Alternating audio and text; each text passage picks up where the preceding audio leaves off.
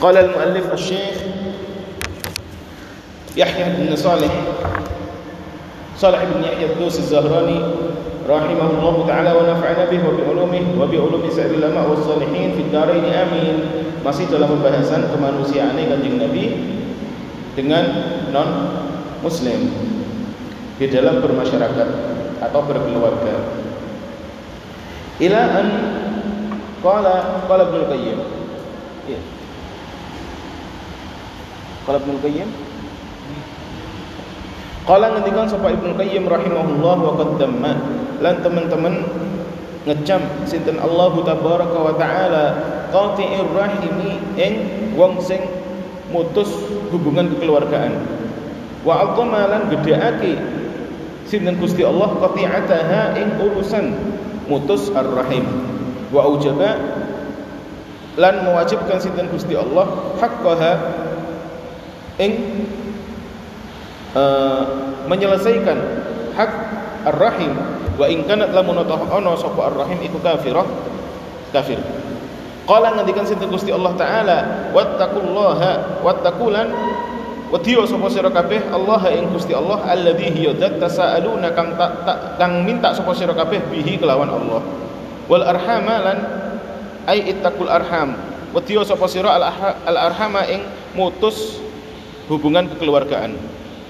Wa qala lan dengan sinten Gusti Allah taala alladzina hiya wong-wong yang kuduna kang batalake sapa alladzina ahdallahi ing perjanjian kelawan eh, maring Gusti Allah mim ba'di mitsakihi sause berjanji karo Gusti Allah wa yaqtauna lan mutus sapa alladzina ma ing perkara amara kang perintah sinten Allah taala bihi kelawan ma ayyusala ing arab yen den sembung apa ma. Wasilatur rahim lan nyembung kekeluargaan iku wajibatun wajib. Wa in kanat lamun ana apa ar-rahim iku kafirah kafir. Falahum mongko iku ketuwi wong dinuhu utawi agamane wong walil wasil lan kanggo wong sing nyembung dinuhu utawi aga, walil wasil lan iku ketuwi wong sing nyembung dinuhu utawi agamane al wasil ini apa yang dikatakan Ibnul Qayyim sama dengan apa yang saya ceritakan atau saya terangkan beberapa minggu lalu atau berapa hari lalu bahwa meskipun keluarganya masyarakatnya non muslim ataupun kalau tidak non muslim akhlaknya gak api apa pun mereka apa pun akhlak mereka bagaimanapun akhlak mereka ente sebagai muslim tunjukkan kalau ente muslim. Ente sebagai muslim tunjukkan kalau ente adalah orang yang benar-benar ngikut Rasulullah Shallallahu Alaihi Wasallam. Biarin orang mau berakhlak kayak apa biarin orang mau beragama kayak apa. Yang penting ente sendiri. Agama ente gimana? Akhlak ente gimana? Kalau memang ente orang baik kalau memang ente muhib di Rasulullah kalau memang ente muttabi' ngikut ke kanjeng Nabi sallallahu alaihi wasallam maka ente akan selalu menunjukkan hal itu di dalam diri ente apa pun modelnya orang yang ada di sekitar ente mau yang di sekitar ente baik mau di sekitar ente buruk. Mau di sekitar ente nyakiti ente mau di sekitar ente bantu ente dan mencintai ente kun bi akhlaki Rasulullah. Ente harus jadi dengan akhlaknya Rasulullah sallallahu alaihi wasallam. Tetap baik kepada semua orang tanpa menjadi atau ber, ber, berbuat buruk kepada satu orang pun. Bahkan kepada keluarga yang yang non muslim pun Rasulullah dan Gusti Allah sendiri di dalam ayat-ayat ini memerintahkan untuk selalu ditembung. Soalnya apa? Soalnya ente muslim sudah mau mau mau nggak mau kekeluargaan tetap harus disembung. Bahkan Rasulullah bilang ada salah satu sahabat yang nanya, "Ya Rasulullah, saya punya saudara, saya punya keluarga. Dia mutus saya. Dia gak mau nyapa saya. Dia tidak mau memberi apa-apa kepada saya padahal saya keluarga." Katanya Kanjeng Nabi, "Kalau memang ente orang baik, ente nggak balas dia. Kalau memang ente orang baik, ente nggak balas dia biarin dia yang mutus kekeluargaan tapi ente sendiri sil man kotaat tetap sambung kepada orang sing mutus ente. Waati man manaat. Ente beri kepada orang yang nggak mau beri ente. Maksudnya apa? Ya sudah akhlaknya wong ria kayak ngono nek ente belum bisa merubah ya sudah mau gimana lagi? Yang, pen yang penting ente sendiri contohkan kalau ente baik dan insya Allah muka-muka orang yang di sekitar ente bisa niru ente. Soalnya, soalnya dakwah dakwah itu bisa uh, bil qaul dakwah dengan omongan kayak kita sekarang di sini. Dakwah bil af'al dengan aksi. Dakwah bil ahwal dengan keadaan inti. Rasulullah SAW ketika dakwah dakwahnya bil qaul dengan omongan.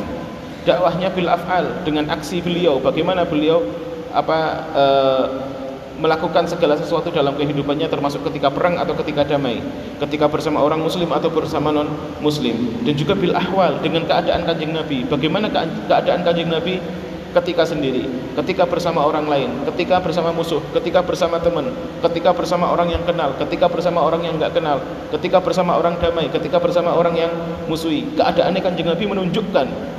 Dan keadaannya kanjeng nabi cukup untuk mencontohkan dakwahnya Rasulullah sallallahu alaihi wasallam.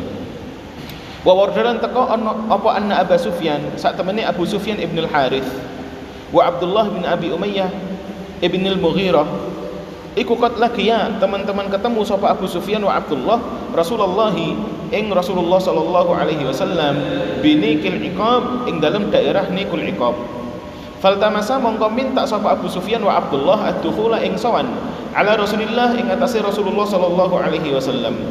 Fakallamat mongko ngomongi sinten Ummu Salamah Sayyidah Ummu Salamah radhiyallahu anha ar-rasula ing Kanjeng Nabi sallallahu alaihi wasallam fihi ma ing dalem atau tentang Abu Sufyan wa Abdullah. Faqalat mongko ngendikan sinten Ummu Salamah Ya Rasulullah ibnu ammik aiha aihadani utawi iki-iki wong loro iku ibnu ammik.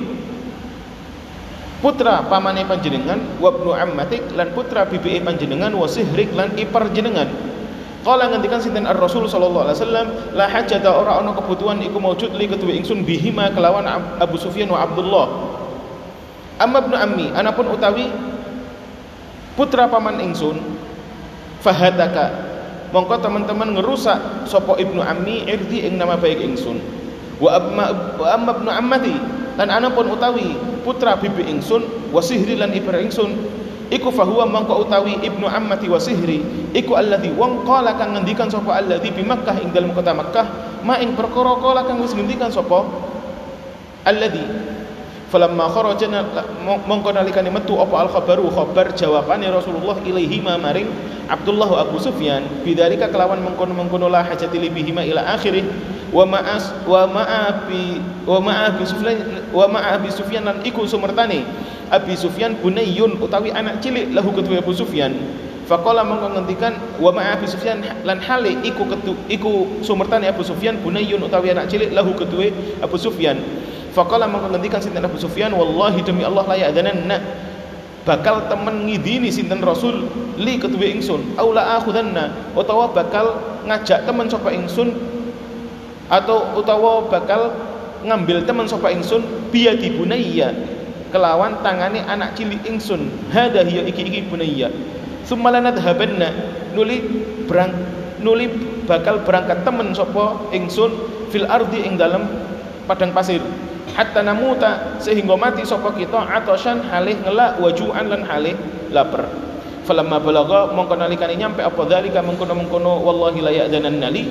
Rasulullah ing Rasulullah sallallahu alaihi wasallam rokko merasa kasihan sinten Rasulullah lahuma kedua Abu Sufyan wa Abdullah Thumma adina nuli ngidini sinten Rasulullah lahuma kedua Abu Sufyan wa Abdullah fadakhala mongko masuk sapa Abu Sufyan wa Abdullah alaihi ngatasi Rasulullah fa aslama mongko masuk Islam karo sapa Abu Sufyan wa Abdullah. Ini cerita ketika sudah dekat dengan Fathu Makkah. Uh, ini cerita kalau ndak Fathu Makkah setelah Fathu Makkah, setelah perang Hunain. Di antara dua itu saya lupa. Al-muhim saat itu Rasulullah SAW bareng para sahabat para sahabat yang uh, berangkat untuk Fathu Makkah. Saya sudah bilang tadi cerita ini imma qabl Fathu Makkah, imma ba'd Fathu Makkah. Entah sebelum, entah setelah, saya lupa. Al-muhim ketika Rasulullah masih di kemahnya Abu Sufyan ibn al-Harith sama Abdullah bin Abi Umayyah ini kepingin sowan sama Rasulullah untuk masuk Islam. Tapi sebelumnya selama 20 tahun lebih atau sel- jangan 20 tahun, selama 18 tahun lebih dua orang ini selalu ganggu Rasulullah SAW, selalu fitnah Rasulullah SAW, selalu sudah mau diomongkan kayak gimana lagi? Hidupnya itu hanya untuk ganggu Rasulullah sebelumnya. Abu Sufyan ibn al Harith, putranya Al Harith, Al Harith ini adalah pamannya Rasulullah sendiri. Anak pertamanya Abdul Muttalib. Abdul Muttalib anak pertamanya Al Harith. Al Harith pamannya Rasulullah soalnya Sayyidina Abdullah apa ibunya Kanjeng Nabi, bapaknya Kanjeng Nabi termasuk yang akhir-akhir. Sayyidina Abdullah itu nomor kalau enggak nomor 10, nomor 11. Pokoknya nomor-nomor akhir. Sedangkan Abu eh, Abdullah nomor 10. Sayyidina Abdullah abahnya Rasulullah nomor 10. Sedangkan anak pertamanya Abdul Muttalib adalah Al Harith. Maka Abu Sufyan ibn Al Harith bedakan sama Abu Sufyan bin satunya siapa? Ibn Harb orang lain, keluarga lain. Ini Abu Sufyan ibn Al Harith Al Qurashi Bani Hashim se keluarga Rasulullah. Al Harith paman Rasulullah SAW. Soalnya Al Harith anak pertamanya Abdul Muttalib, sedangkan Sayyidina Abdullah anak nomor 10-nya Abdul Muttalib. Al Harith Abu Sufyan bin Al Harith ini dikatakan bahwa beliau wajahnya paling mirip sama Rasulullah di antara semua keluarga. Abu Sufyan ibn Al Harith adalah wajahnya yang termasuk paling mirip sama Rasulullah di antara semua keluarga beliau. Abu Sufyan ibn Al Harith meskipun misan, meskipun apa e, sepupu tapi tetap dia termasuk dulunya orang yang sangat ganggu Rasulullah SAW. Sedangkan Abdullah bin Abi Umayyah dulure Sayyidatna Ummu Salamah. Sayyidatna Ummu Salamah istrinya Kanjeng Nabi. Sayyidatna Ummu Salamah jenenge sapa? Nah, yang gede-gede ini harusnya bisa. Siapa namanya Sayyidatna Ummu Salamah? Nama aslinya? Hindun? Siapa jawab? Hindun binti Abi Umayyah. Hindun binti Abi Umayyah itu namanya Ummu Salamah. Abu Umayyah itu nikah sama bibiknya Rasulullah namanya Sayyidatna Atikah. Jadi Rasulullah punya bibik namanya Atikah. Atikah dinikah sama Abu Umayyah Ibn al-Mughirah. Atikah sama Abu Umayyah Ibn al-Mughirah punya anak lima. Abdullah ibn Abi Umayyah, Hindun atau Ummu Salamah binti Abi Umayyah, Al-Muhajir binti Abu Umayyah, dua laki kafir. Cuman yang tiga ini muslimin. Faham? Makanya Abu Sufyan misalnya Rasulullah karena anak paman. Abdullah bin Abi Umayyah misalnya Rasulullah karena anak bibi. Sekaligus iper. Soalnya apa? Saudarinya Abdullah yaitu Ummu Salamah dinikah sama Rasulullah sallallahu alaihi wasallam. Cuman dua-duanya ini ketika masih di Mekah sangat ganggu Rasulullah nggak seneng sama Rasulullah. Bahkan Sayyidatna Ummu Salamah ketika mau hijrah, Abdullah bin Abi Umayyah ini yang ngelarang Ummu Salamah hijrah. Sampai dipisahkan antara Ummu Salamah dengan suaminya yaitu Abu Salamah. Sayyidatna Ummu Salamah sebelum nikah sama Rasulullah, beliau nikah sama Abu Salamah. Punya anak namanya Umar. Abu Salamah, Ummu Salamah, wa Umar, tiga orang ini dulunya pernah hijrah ke Habasyah. Balik ke Mekah, ternyata di Mekah si kafir, mau hijrah ke Madinah. Ketika di Madinah, keluarganya Ummu Salamah termasuk Abdullah bin Abi Umayyah ini nahan biar tidak hijrah. Akhirnya yang Abu Salamah narik Ummu Salamah, narik putranya yaitu uh, Umar yang Ummu Salamah narik juga putranya Umar. Abu Salamah kepingin berangkat, yang keluarganya Ummu Salamah kepingin Ummu Salamah tetap di Mekah. Akhirnya anaknya dibuat tarik-tarikan, akhirnya anaknya tangannya salah satu tangannya ada yang lumpuh gara-gara ditarik-tarik antara dua keluarga. Akhirnya sama Ummu Salamah bilang, "Ya Abu Salamah ente berangkat dulu, ana ridho." An, suatu hari anak anak nyusul, sing penting anakku gak lapo-lapo, sing penting anakku gak mati, sing penting anakku gak terluka. Akhirnya Ummu Salamah selama setahun tidak bisa hijrah gara-gara ditahan sama Abdullah bin Abi Umayyah sekeluarga ini. Al-muhim Abu Umayyah apa Abdullah bin Abi Umayyah dan Abu Sufyan ini sebelumnya sangat ganggu Rasulullah SAW fitnah gangguan secara kaul gangguan secara fisik merangi Rasulullah bolak-balik sudah padahal se keluarga yang artinya mereka benar-benar mutus hubungan kekeluargaan dengan Rasulullah SAW akhirnya ketika Rasulullah SAW berhasil Fathu Makkah dan orang-orang Makkah sudah mulai masuk Islam. Abu Sufyan sama Abdullah ini mulai tergerak untuk mau ikut Rasulullah SAW. Tapi perilaku selama 18 tahun plus status sebagai keluarga benar-benar bikin Rasulullah merasa tersakiti. Rasulullah tidak dendam. Rasulullah cuman tersakiti. Abu Sufyan sama Abdullah masuk, kepingin masuk Islam. Soan ke Rasulullah pengen masuk Islam. Tapi ketika Rasulullah melihat ini keluarga tapi kok sikapnya kayak gini. Ini misan dewi tapi keluarga sikapnya kayak gini. Rasulullah tidak mau. Tidak. Saya tidak mau ketemu. La hajatli bihima. Saya tidak mau ketemu keluarga kayak gitu. Dia sudah mutus kekeluargaan dengan saya dari awal dan bukan cuma mutus tapi juga nyakiti saya, ngelawan saya, ganggu saya, fitnah saya. Makanya Rasulullah bilang, la hajatli bihima. Amma ibn ammi fahataka irdi. Abu Sufyan ngerusak nama baik saya. Ibnu Ammati Abdullah bin Abi Umayyah wasihri dan iper saya juga ini Abdullah bin Umayyah adalah iper Rasulullah juga. Fahuwa alladhi qala bi Makkah. Dia sudah ngomong banyak tentang saya sesuatu yang bukan hakikoh. Benar-benar nyakiti. Saya tidak mau ketemu mereka berdua. Dan Rasulullah punya hak untuk nggak mau ketemu. Soalnya apa? Benar-benar disakiti. Makanya kalau ada orang habis itu e, pernah nyakiti hati. Habis itu kita tidak mau ketemu, itu biasa Sing penting hati memaafkan, sing penting hati tidak ada dendam, sing penting kita tidak mau ketemu gitu saja. Ben apa? Ben hati kita tetap terjaga sebagai orang baik. Soalnya nih sebaik apa pun kamu, ketika kamu ketemu sama orang yang pernah nyakiti kamu, hati kamu pasti rodok marah. Contohnya, contohnya yang paling gampang sudah, ente punya mantan. Insya Allah tidak ada yang punya mantan. Insya Allah tidak ada yang pacaran. Ketika ketemu sama orang yang pernah ente cintai, yang habis itu dia menyakiti hati ente, pasti ente ada Bagian kepala sidik lah. Paham?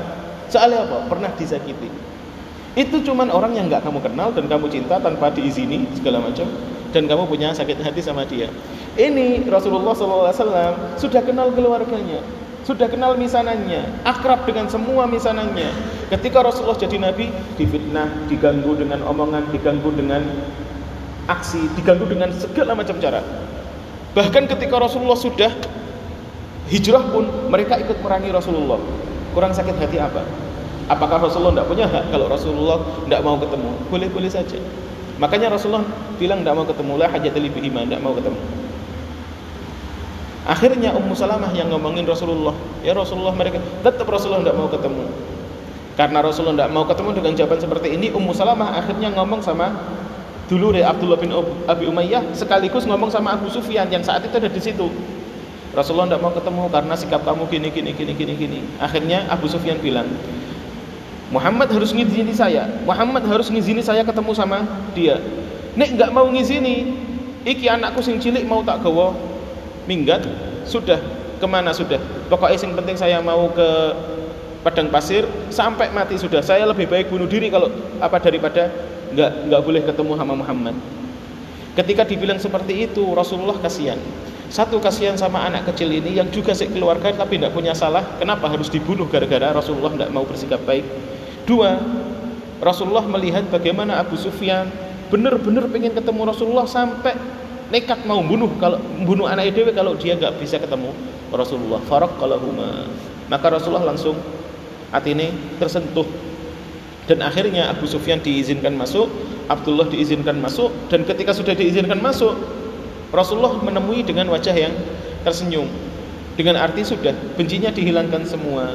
Melihat ada anak kecil yang juga masih keluarga tetap disembung sama Rasulullah SAW. Dan gara-gara anak kecil ini bapak bapak apa bapak dan pamannya, paman misannya ini juga diterima sama Rasulullah dan akhirnya mereka masuk Islam. Wahasuna islamuhuma dan Islamnya mereka berdua jadi baik. Abu Sufyan nanti akhirnya jihad bela kanjeng Nabi ketika perang Hunain. Maka cerita ini sebelum perang Hunain. Cerita ini sebelum Fathu Makkah. Soalnya Abu Sufyan ibn al-Harith ini nanti ikut belai Rasulullah ketika perang Hunain. Abdullah bin Abi Umayyah juga ikut belai Rasulullah dan dua-duanya masuk Islam. Radhiyallahu taala anhuma. Itu cerita nih. Cerita kayak gini antum temukan di mana? Ya di Sirah. Cerita kayak gini antum nemunya ya di Sirah. Ada di hadis di kitab-kitabnya Al-Bukhari atau yang lainnya pastinya ada. Tapi nek antum mau coy di Al-Bukhari yang lainnya antum bingung lebih enak kalau antum pengen tahu ceritanya kanjeng Nabi yo baca di Sirah Nabawiyah. Sudah seharusnya sebagai talib ente punya hasilah, punya uh, simpenan tentang sirahnya Rasulullah SAW. Secara umum bagaimana Rasulullah ketika umur segini, ketika umur segini, ketika umur segini, ente harus punya hafalan seperti itu. Nah ente tahu ceritanya wong-wong saiki, ente tahu ceritanya orang-orang sekarang yang tidak ada artinya, hanya bisa tendang bola semisal. Nggak ada artinya, cuman bisa akting di depan kamera. Nggak ada artinya, cuman sebagai politikus, penipu umat. Ente apal tentang mereka, tahu tentang mereka. Tapi tentang Rasulullah SAW, Habibah kok imamat, cinta ente dan pemimpin ente, ente tidak tahu apa-apa, rugi. Seharusnya tahu, meskipun secara umum. Makanya pelajaran sirah itu sebenarnya penting. Saya sudah bilang bolak-balik pelajaran sirah bukan cuma cerita. Pelajaran sirah adalah contoh model kehidupan yang lebih sempurna untuk kita sebagai muslim. Harus kita punya pelajaran sirah yang bukan cerita saja tapi pelajaran yang mengupas di dalam cerita itu ada apa. Kayak ini sekarang kita ngomong masalah Rasulullah ketika ketemu sama Abu Sufyan wa Abdullah bin Abi Umayyah. Habis itu kita ceritakan bagaimana sih kemanusiaannya Rasulullah Kenapa sih Rasulullah tetap mau ketemu? Akhirnya kita bukan cuma belajar cerita, tapi juga belajar bagaimana sikap Rasulullah Sallallahu Alaihi Wasallam, bagaimana hati Rasulullah, Bagaimana akhlak Rasulullah sallallahu alaihi wasallam? Bukan cuma cerita, tapi apa di balik cerita. Laqad kana teman-teman ono apa insaniyatuhu kemanusiaan Rasulullah. Bismillah. Allati hiya insaniyah. Tukhalitu kang nyampuri ha ing allati apa arriqah. Tersentuhnya hati atau lembutnya hati. Wasyafaqah lan rasa kasih sayang warahmalan tegesi rasa kasih sayang. Ikut tarikon jalan nafidan kang tembus ila qulubil musyrikin maring atine wong wong musyrik. Kemanusiaan kanjeng nabi yang selalu bersama sifat lemah lembut hati yang lembut hati yang perhatian adalah jalan tersendiri kepada hatinya orang musyrik Soalnya sudah saya katakan tadi, dakwah nggak cukup dengan omongan ente, dakwah nggak cukup dengan aksi ente, tapi juga dengan sikap keseharian ente. Ente tahu, saya dulu pernah ngaji tentang kekristenan, ngaji tentang kristenisasi. Bagaimana sih orang-orang Kristen ini punya cara untuk mengkristenkan orang sing non Kristen, mau itu Muslim ataupun Buddha atau yang lainnya. Salah satu cara mereka adalah Wallah alam kebenarannya cuman dari teorinya kelihatannya ini teori yang diterapkan Rasulullah tapi diambil sama mereka. Wallahu alam kebenarannya. Al-muhim dikatakan bahwa salah satu caranya mereka adalah mereka hidup di sebuah daerah dikirim. Fulan Kristen dikirim di satu daerah. Dia tidak dakwah tidak apa? Dia tidak dakwah tidak apa? Tapi setiap hari bersikap baik sama orang. Bersikap baik dengan orang. Semuanya sudah. Dia tidak tidak bikin orang ribut, nggak bikin orang apa. Tapi dia harus punya sikap baik kepada semua orang. Sing artinya apa? Dia dakwah bilhal. Dia dakwah dengan keadaan dirinya bahwa karena saya Kristen maka saya jadi orang baik seperti itu. Akhirnya orang mau mau nggak mau lama kelamaan akan menilai, oh orang Kristen itu baik. Berarti Kristen juga agama baik. Faham? Itu cara mereka. Kenapa ente yang Muslim yang sudah diajarkan Rasulullah SAW seperti ini yang akhlaknya Rasulullah seperti ini kok ente sendiri tidak bisa menerapkan seharusnya kita yang menerapkan itu mungkin kita tidak punya tujuan dakwah oke okay lah tapi seenggak-enggaknya ente kalau emang muhib kalau emang ente muttabi buktikan dengan sikap ente setiap harinya buktikan dengan sikap ente sehari-harinya jangan cuman saya cinta Rasulullah maka saya datang maulid saya cinta Rasulullah maka saya kiper-kiper bendera ketika ada maulid. La laisa hadzal matlub, bukan ini yang diminta. Kalau memang ente cinta Rasulullah, tabbik. Terapkan apa yang diajarkan Rasulullah wasallam fi ahwalik di semua keadaan kamu, di semua keseharian kamu. Dengan gitu kamu baru dikatakan pecinta. Nek cuman ngangkat bendera. Cuman ngumpul ketika maulid Cuman mengaku ngomong saya cinta Nabi. Alhamdulillah diberi kesempatan untuk itu. Tapi belum sempurna dan sangat belum sempurna. Kesempurnaan cinta ente kepada Rasulullah adalah ketika ente bisa menerapkan kesehariannya Rasulullah di kehidupan ente. Hada huwal hub. Hada huwal muhib. Ini cinta. Ini orang yang mencintai. Ente nek mencinta, eh, ente nek cinta sama salah satu pemain bola. Kaosnya pun sing palsu kamu beli. Kaosnya yang palsu kamu beli. Soalnya ada tulisan namanya siapa? Namanya si pemain bola. Biasanya yang megang-megang itu ya yang beli juga alhamdulillah. Paham? Ente cinta sama masalah Ronaldo, Messi atau yang lainnya. Ente beli kaosnya yang bukan asli, kaos bikinan orang Indonesia. Soalnya kamu tetap beli meskipun mahal. Soalnya apa? Oh, nak tulisan Messi. Ada tulisan Ronaldo. Alhamdulillah. Wallah ini kaos bagus. Miliknya ente wallah murah. Kenapa seperti itu? Cinta sama mereka. Seharusnya cinta sama Rasulullah dibuktikan lebih dari itu ya akhi. Seharusnya cinta sama Rasulullah dibuktikan lebih dari itu. Dibuktikan ketika ngaji tidak ngantuk, soalnya Rasulullah selalu himmah. Dibuktikan ketika wiridan tidak ngantuk, soalnya Rasulullah selalu tawajjuh kepada Gusti Allah Taala. Dibuktikan dengan nggak sakit hati kalau disindir, alhamdulillah selalu maafkan. Dibuktikan dengan banyak lah, banyak. Alhamdulillah. Dibuktikan dengan apa lagi? Masya Allah, Masya Allah.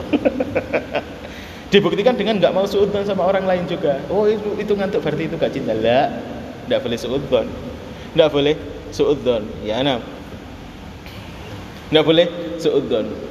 Saya sudah semangat ngaji berarti yang gak semangat ini gak cinta. Lah, nggak boleh seperti itu. Kalau memang ente cinta sama Rasulullah, ente bakal kasih sayang semua orang. Kalau ada orang yang salah, ente katakan mungkin ada alasan, ada apa, ya sudah. Dia minta maaf, kita maafkan. Kita punya kesempatan untuk membenarkan, kita benarkan dengan refik, dengan ikhlas, dengan kasih sayang. Seperti itu caranya. Kalau memang ente cinta sama Rasulullah. Dan kita selalu bisa dan selalu harus untuk menyempurnakan rasa cinta kita Rasul kepada Rasulullah dengan segala cara termasuk at-takfir minas salah ala Nabi sallallahu alaihi wasallam. Katanya para ulama, man ahabba syai'an aktsara min dzikrih Orang sing seneng sesuatu bakal bolak-balik ngomong tentang dia, bahas terus tentang orang yang dicintai. Ente cinta sama fulan artis, setiap hari ente bahas ini, bahas ini. Semisal orang-orang sekarang di luar sana seneng sama sinetron Ikatan Cinta. Allah, Ikatan Cinta. Dari awal dari maghrib sampai isya ngomong, isya sampai mau tidur ngomong. Habis tidur nanti subuh cari berita, beritanya Ikatan Cinta Nanti jam 10 saya lihat TV semua berita tentang ikatan cinta. Leh, karena cinta dengan ikatan cinta. Alhamdulillah. Sampai artisnya, nikahnya, rumahnya ngapain, jam berapa dia tidur, jam berapa dia bangun, dia makan apa, pakai sendok, apa pakai garpu, semuanya dibahas. La haula wala quwata illa billah. Oke, monggo. Tapi seharusnya ente sebagai muslim cinta sama Rasulullah lebih dari itu. Anda nanya sama antum sekarang. Insya Allah antum semuanya tahu. Insya Allah antum semuanya tahu. Berapa kali Rasulullah perang? Hmm? Allah.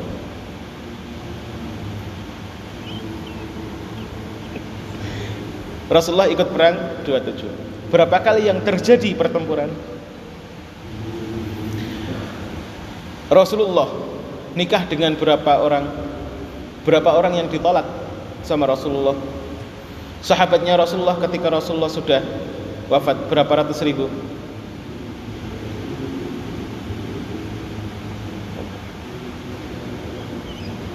Alhamdulillah. Uh, berapa pedangnya Rasulullah? Apa saja nama pedang Rasulullah? Berapa tombak Rasulullah? Apa saja nama tombak Rasulullah Berapa untanya Rasulullah? Apa saja nama unta Rasulullah? Berapa kambingnya Rasulullah? Apa nama saja kambing Rasulullah? Kambing-kambing Kalau ente cinta sama Rasulullah, kabeh sak sandal-sandalnya dicintai. Kalau ente cinta sama kiai ente, bukan cuma kiainya, kiainya, bajunya, keluarganya, sandale, semuanya bebek bebek dicintai kabeh. Soalnya apa ente sudah cinta, semuanya saya cintai. Apa pun yang berhubungan dengan Rasulullah akan saya cintai. Seperti itu.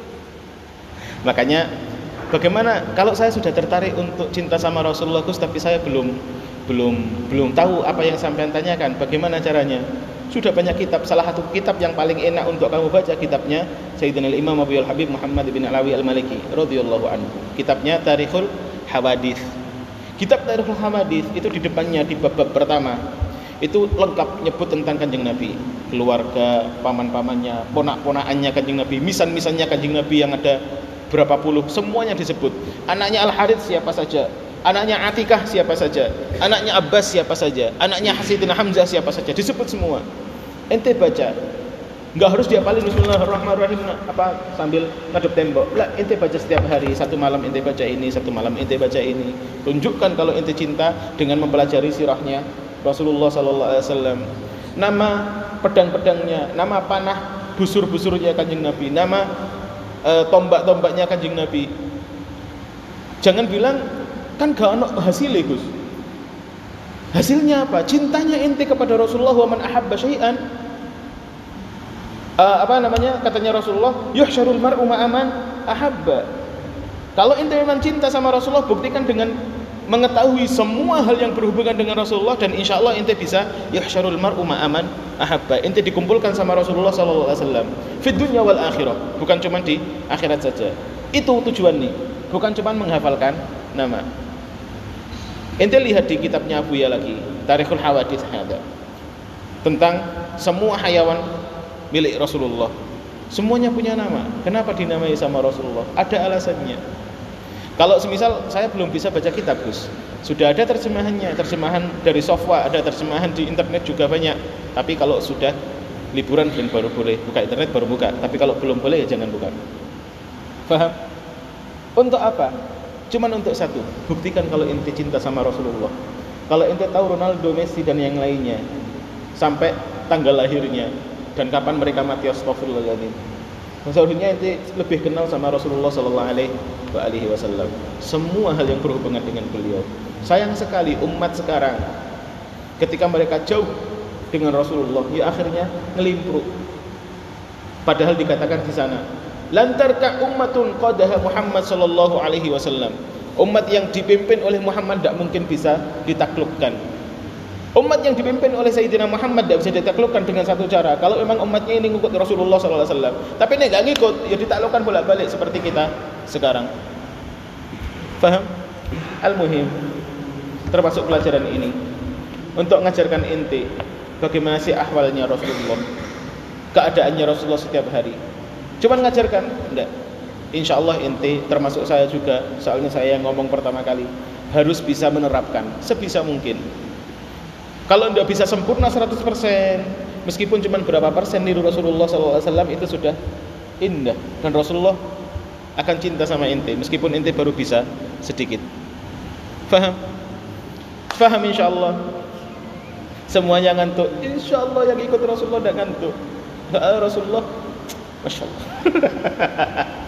Al-muhim. Kadang-kadang memang ini butuh dijewer sidik-sidik.